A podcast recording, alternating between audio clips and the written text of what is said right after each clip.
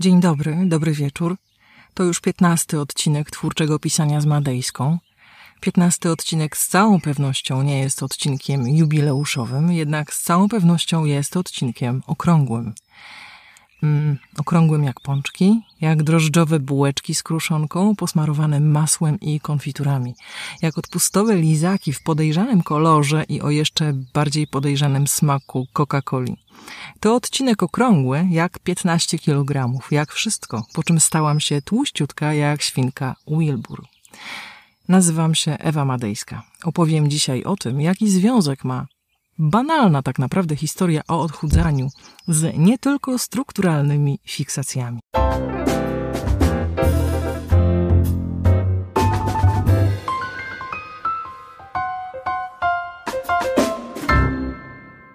Zanim zacznę, chcę podziękować. Nie, nie tylko chcę, po prostu dziękuję. Dziękuję wszystkim, którzy słuchają tego podcastu, którzy do mnie piszą, którzy dzielą się swoimi refleksjami, um, którzy składają zamówienia na kolejne odcinki, to znaczy na tematy kolejnych odcinków. Wiem, że niektórzy z Was chcą usłyszeć o kontaktach z wydawcami.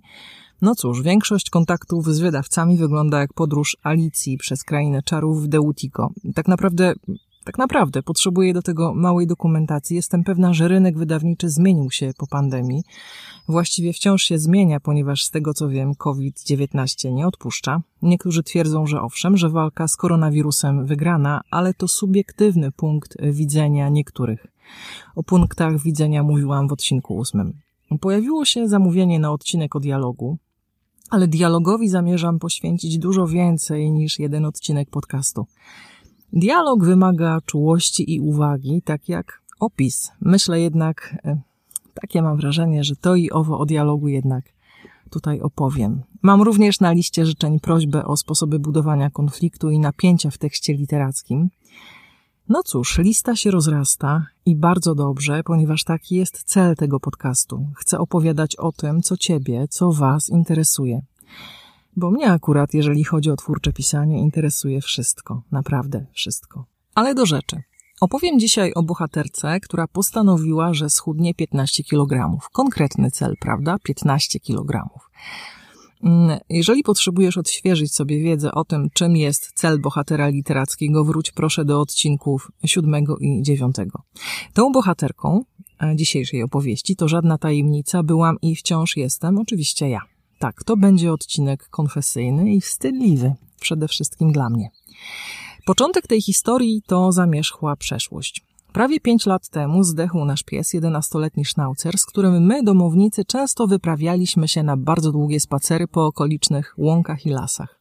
Najczęściej ja. Po pierwsze, zawsze to lubiłam, po drugie, zazwyczaj mogłam.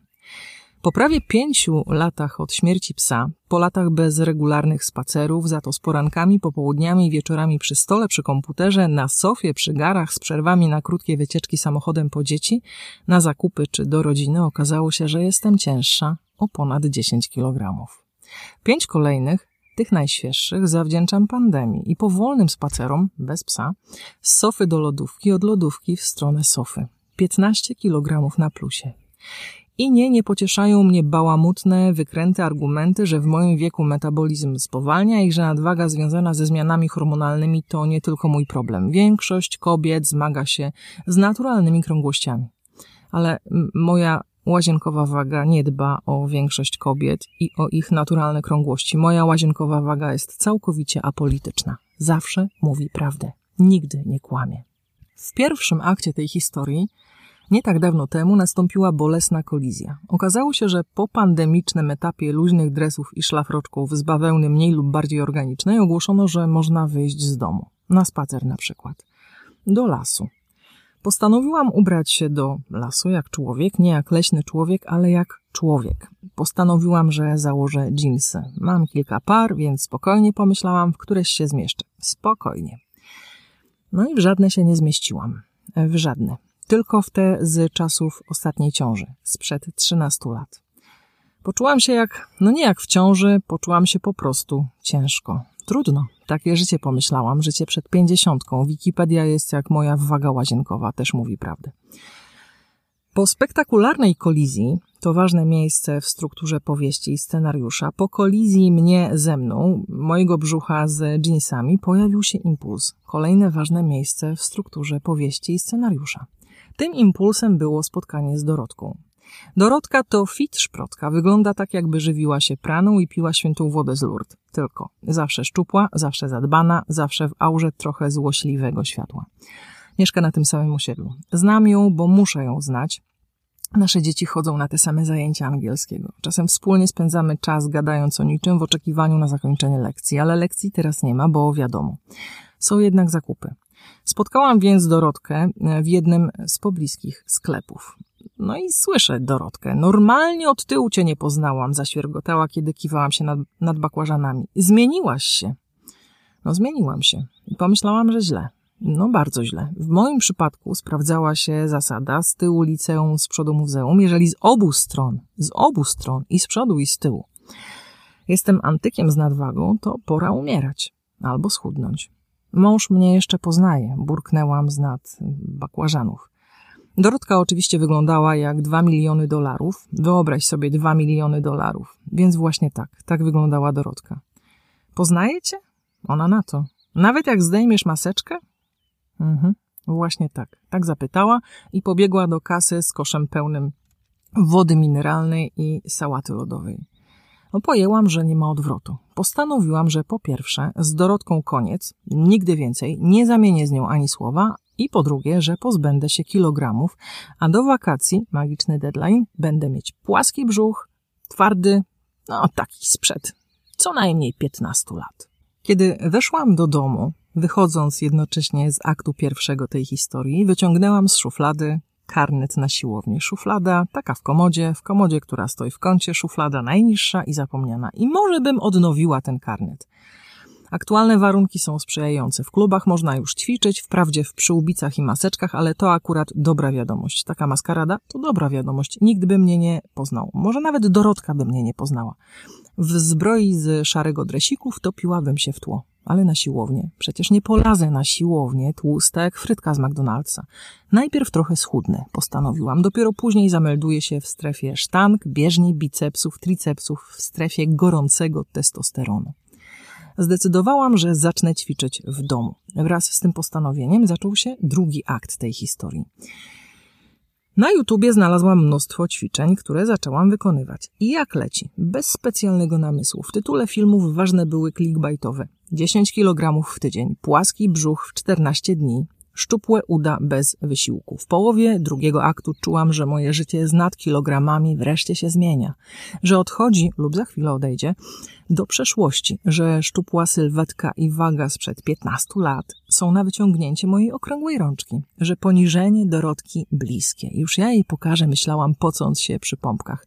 To był pierwszy moment kulminacyjny tej historii. Moment, w którym poczułam, to ważne, poczułam, że jestem blisko osiągnięcia swojego celu. Uważaj, żebyś sobie czegoś nie uszkodziła, powiedział pewnego razu mąż, który przyłapał mnie na gorącym uczynku z ciężarkami. I oczywiście, że sobie zrobiłam, że się uszkodziłam. Po tygodniu ćwiczeń jak leci, które jak wspomniałam, wybierałam bez szczególnej uwagi bez szczególnego namysłu, ale też bez serca, ponieważ zawsze uważałam, że sport to mord. Skończyłam z lekkim urazem lewego barku, z nadwyrężonym nadgarstkiem prawej ręki i w biodrach coś mi się popsuło. Skrzypiały jak drzwi od łazienki. Straciłam motywację. Urazy okazały się wydarzeniem, które w strukturze scenariusza i powieści nazywamy pierwszym punktem zwrotnym. Punktem, który występuje chwilę po pierwszym momencie kulminacyjnym. Pierwszy punkt zwrotny to zdarzenie, które oddala bohatera, bohaterkę od jego celu. Na długo, na bardzo długo. Moje urazy z całą pewnością oddaliły mnie od szczupłej sylwetki. E, usprawiedliwiona, oczywiście, że tak, no jak? Z bolącą nogą, z bolącą ręką i nadgarstkiem ćwiczyć, ależ skąd? A więc usprawiedliwiona rozłożyłam się, usiadłam na wygodnej sofie z kubkiem herbaty, oczywiście z miodem, i przeanalizowałam sytuację, w której znalazłam się przez koleżkę YouTube'a. Na spokojnie. Otóż z jednej strony koleżka YouTube radził, e, żebym włączyła do codziennego planu domowych tortur deskę ponieważ deska uruchamia wszystkie mięśnie. I żebym ją natychmiast z tego planu wyłączyła, ponieważ deska nadwyręża odcinek lędźwiowy kręgosłupa. Koleżka YouTube radził, że powinnam robić brzuszki, zwłaszcza ze skrętami, i że nie powinnam ich robić, bo tak jak deska obciążają lędźwie i szyjny odcinek kręgosłupa. Koleżka YouTube radził, że muszę skakać na skakance, cud miód malina na wałki i oponki i że nie mogę na niej skakać, bo stawy kolanowe, znowu lędźwiowa podstawa i kilka innych atrakcji, o których wolę nie wspominać. Koleżka YouTube radził, że warto kręcić hula hopem z masażerem i wypustkami, bo modeluje sylwetkę i rozprawia się z tłuszczem visceralnym i żeby broń Boże tego nie robić, bo wiadomo, kręgosłup w dolnym odcinku i mikrourazy organów wewnętrznych. Koleżka YouTube twierdził, że muszę jeździć jak najwięcej na rowerze, również stacjonarnym, bo spala wszystko, spala wszystko i że tak samo muszę trzymać się od niego z daleka, bo zbyt intensywne treningi kończą się przerostem mięśni łydek. Wszyscy specjaliści zgodnie natomiast twierdzili, że najbezpieczniejsze jest pływanie. Tyle, że moja skóra organicznie nie znosi chlorowanej wody. Kiedy w przypływie miłości do najmłodszej córki zgadzam się czasem na wspólny wypad na basen, już pięć minut po wejściu do wody klnę jak szewc, na wszelki wypadek z zanurzoną głową, żeby młoda nie słyszała. Bo nie cierpię basenu. Chlorowana woda sprawia, że drapie się od stóp po czubek głowy, jak antyk, nie tylko z nadwagą, ale też ze świeżbem. Basen zatem nie wchodził w rachubę postanowiłam jednak działać. Trochę ćwiczyłam wciąż na własną rękę i nogę, nie wysilałam się jednak specjalnie z powodu urazów. No to boli, to nie jest przyjemne. Wciąż jednak kusiła mnie wizja Dorotki, która dziwi się na e, mój widok z powodów innych niż nadwaga. Wciąż kusiła mnie wizja męża, który dziwi się na widok żony przypominającej żonę. Zdecydowałam, że znajdę dla siebie wirtualną salę ćwiczeń. Zatrzymałam się przy studiu jogi na propozycjach Ewy Chodakowskiej oraz dzikiego trenera. Ale jogę szybko wykreśliłam z listy, bo yoga zawsze mnie nudziła.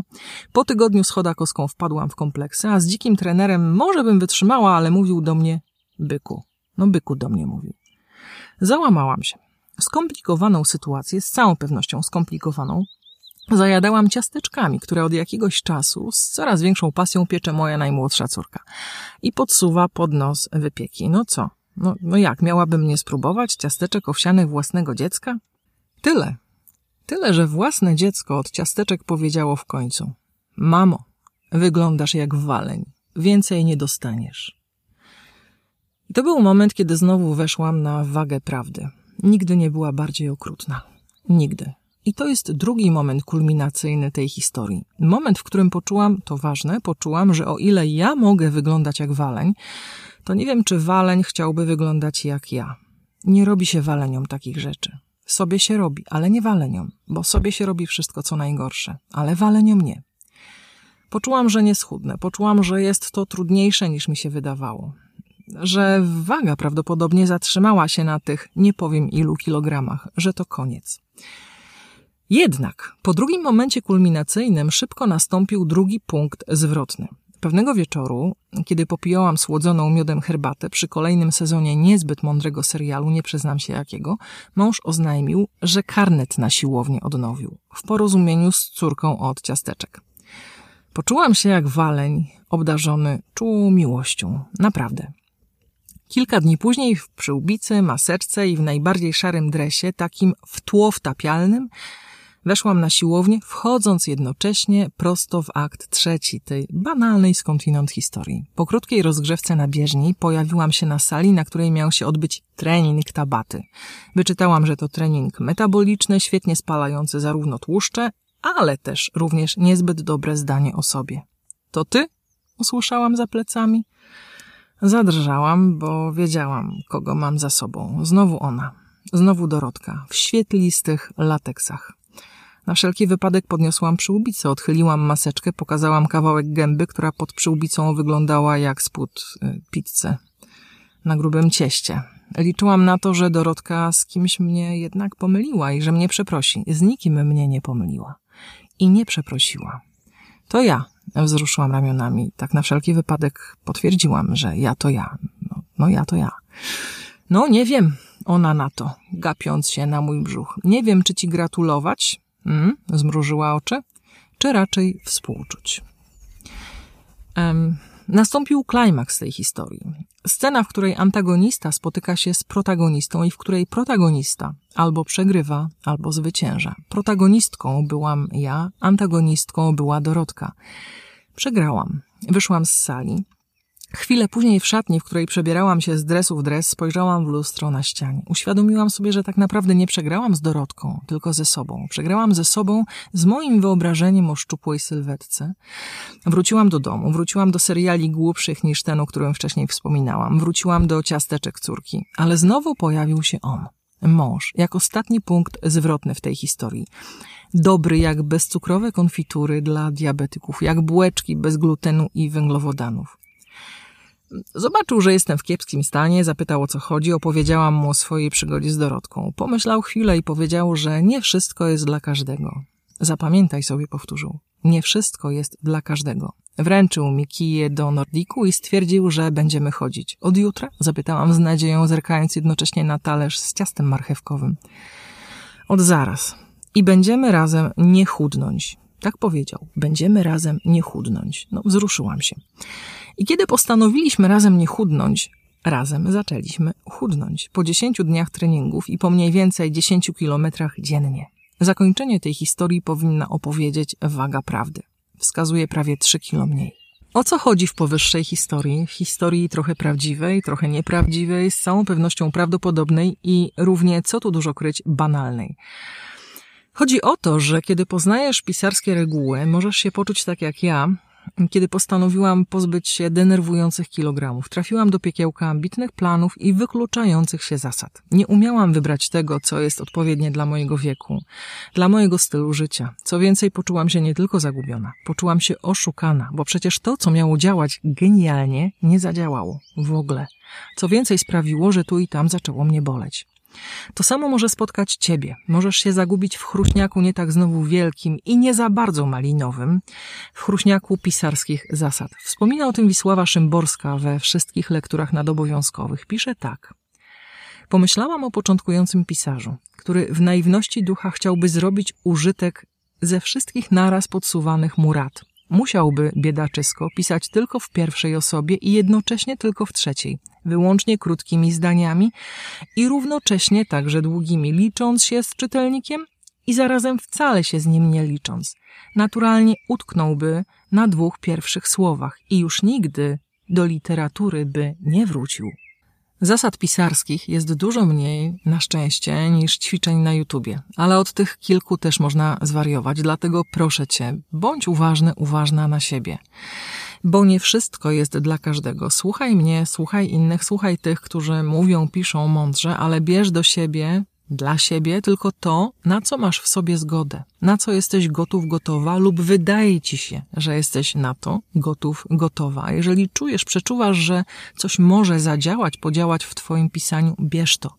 Ale wyciągaj własne wnioski, podejmuj własne próby, ucz się na własnych błędach. Jeżeli byłeś dorastającym synem, jeżeli byłaś dorastającą córką, a z całą pewnością byłaś nim, byłaś nią, wiesz jak to działa. Ojciec, matka, dziadek, babka, Wszyscy mogli cię ostrzegać przed konsekwencjami twoich rozmaitych decyzji, wyborów, które i tak podejmowałeś, podejmowałaś.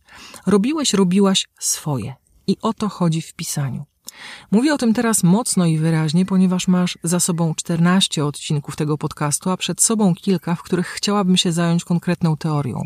Wiem jednak, że konkretna teoria potrafi zamknąć napisanie. Skutecznie. Doskonałym przykładem potwierdzającym powyższą tezę są zajęcia ze struktury tekstu literackiego. To, co się na nich, a właściwie po nich dzieje, jest już regułą. Regułą, którą nazywam fiksacją strukturalną. Obserwuję ją już od ponad 10 lat, bo to uwaga. Teraz nastąpi powtórka z tego, co usłyszałeś, usłyszałaś przed chwilą.